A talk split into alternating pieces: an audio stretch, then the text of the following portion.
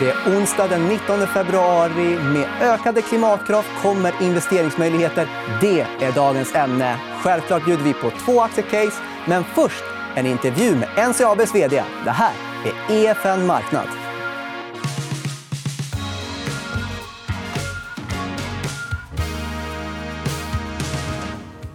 Ja, precis. Så här sitter jag med Hans Ståhl, vd för NCAB. Vi ska prata lite mönsterkort. Ja. Hur går det för mönsterkorten? Jo, det går bra. Jag sitter här som sagt med mina älskade mönsterkort då, som jag har hållit på med i nästan 20 år och har ett, ett bra förhållande till. verkligen. Och både kunderna och marknaden verkar också mm. älska mönsterkorten. Ja, Ni stiger ja, idag 10% på en bra rapport. Mm. Hur har året varit?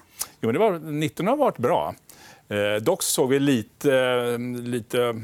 Marknaden avtog lite under hösten eh, vad gäller orderingången. Men samtidigt så gjorde vi ett jättebra resultat. Och marginalen var ju fantastiskt bra. Så att, mm, och... Vi är jättenöjda. Q4 brukar vara lite svagare för er. Mm. Och sen har ni ett kinesiskt nyår som påverkar där också. Exakt. Det spökar ju lite grann det här med beroende när julen kommer, hur många dagar som ledig. Och nu kommer kinesiska nyåret väldigt tidigt, det kommer i januari. Så, att, så det, det, blir lite, lite effekter där mellan december och januari. Och det påverkar er för att ni har 97% av er tillverkning i Kina? Ja, precis. precis. Och när man hör det blir man ju såklart orolig över coronaviruset vi måste nog nästan bearbeta det på en gång. ja, precis. Det är elefanten i rummet. Va? Eh, ja, visst. Det, det kommer innebära ett avbräck, helt klart, för, för alla företag. Jag ska nästan påstå hela världen.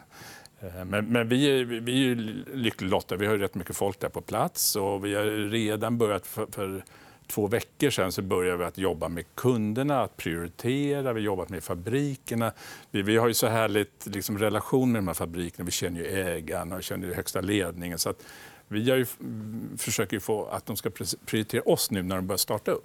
Mm, för vi såg ju en vinstvarning från Apple igår där produktionen hamnar lite på is på grund av det här. Hur, hur går det för era fabriker? Rullar de på som vanligt? Ja, alltså de, de tog extra två veckor stängning. Och nu har de öppnat så att ungefär i snitt, så om man tar alla våra fabriker där nere så är man kanske ungefär 50% bemanning.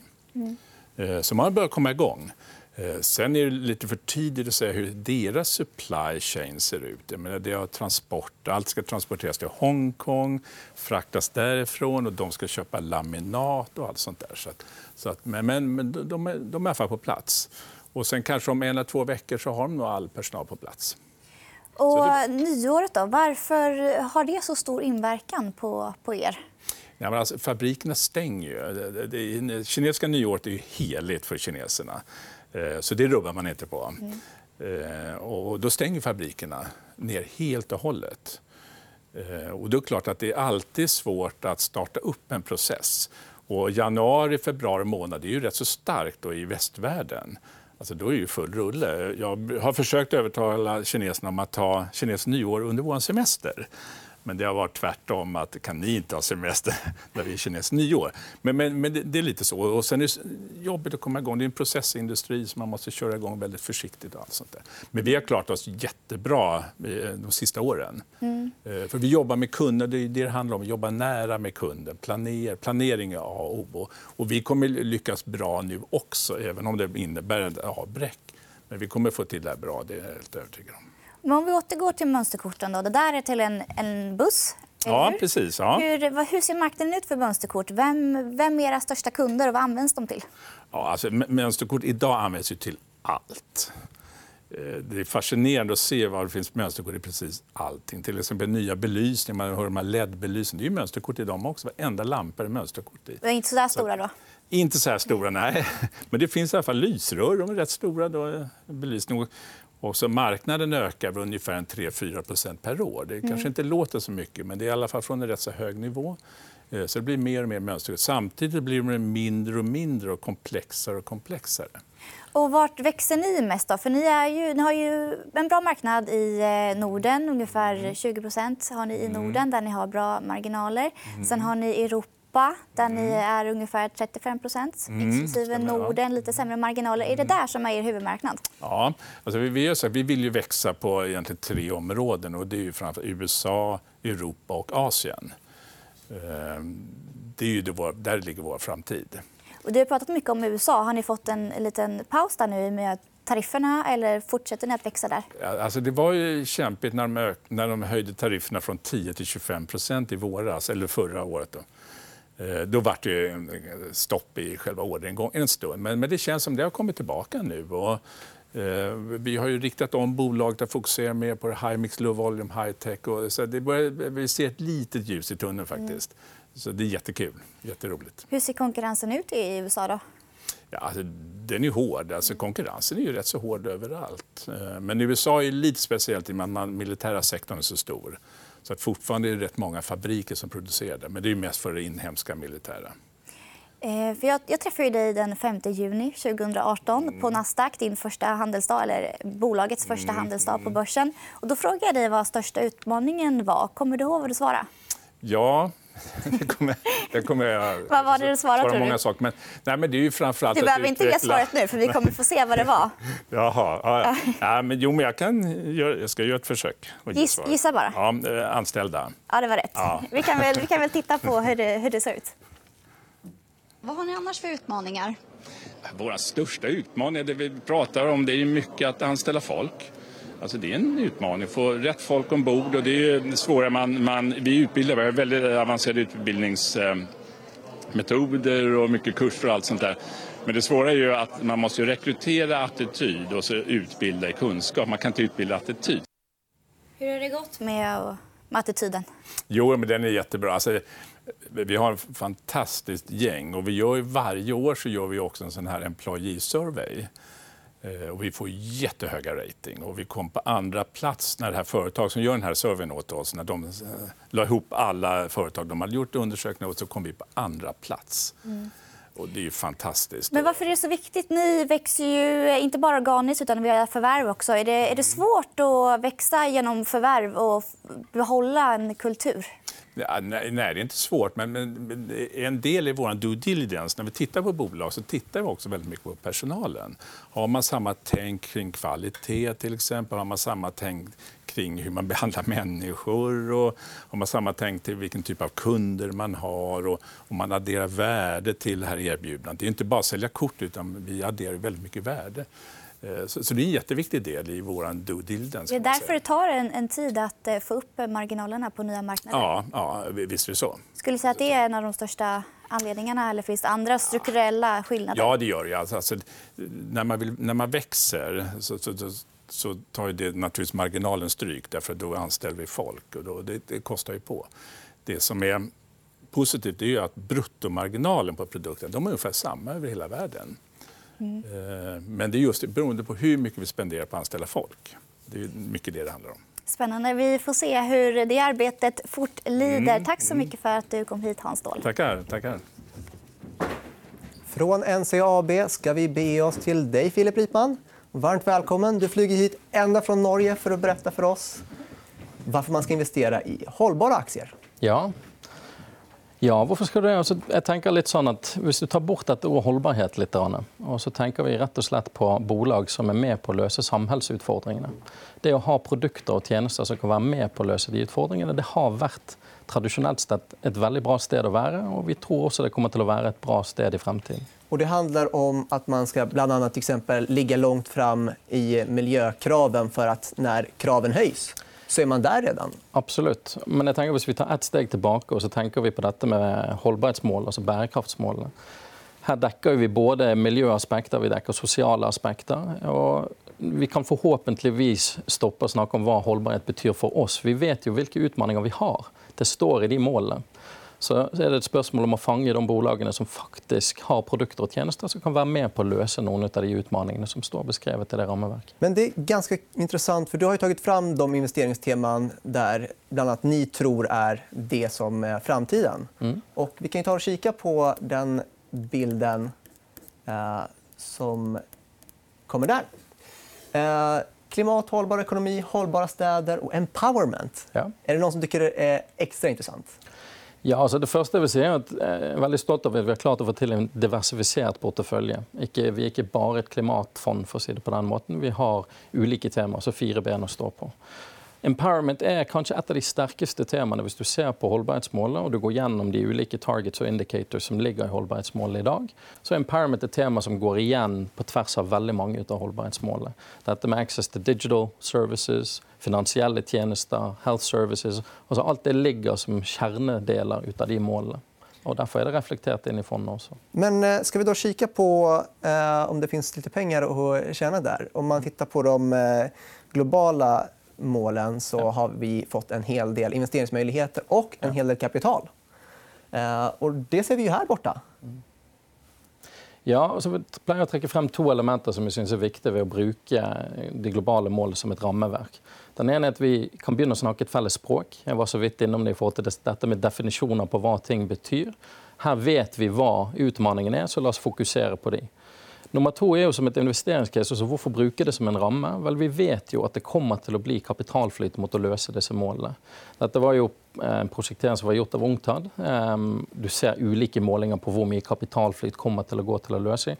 Jeg vet ikke hva svaret kommer til å være i forhold til hvor mye kapital.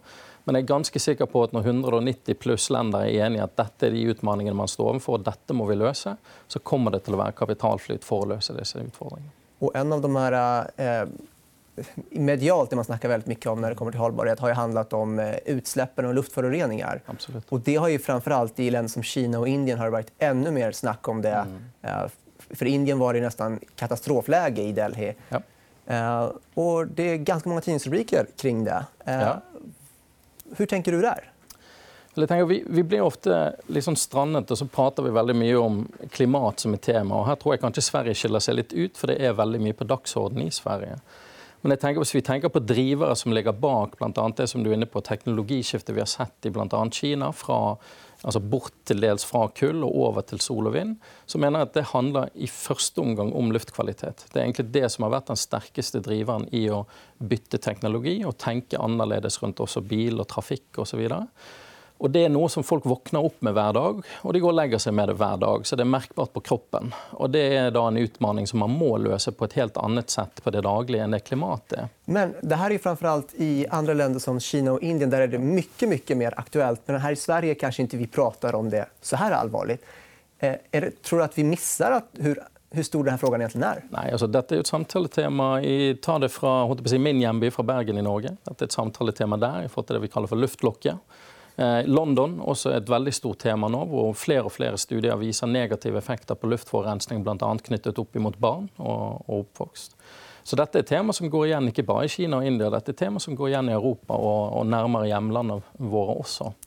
Eh, och den kanske största samtalsämnet när det kommer till utsläpp och luftföroreningar är ju koldioxiden. Mm. Men den måste ju minska. Och det har Absolut. vi börjat se planer på att den, den kommer att göra det.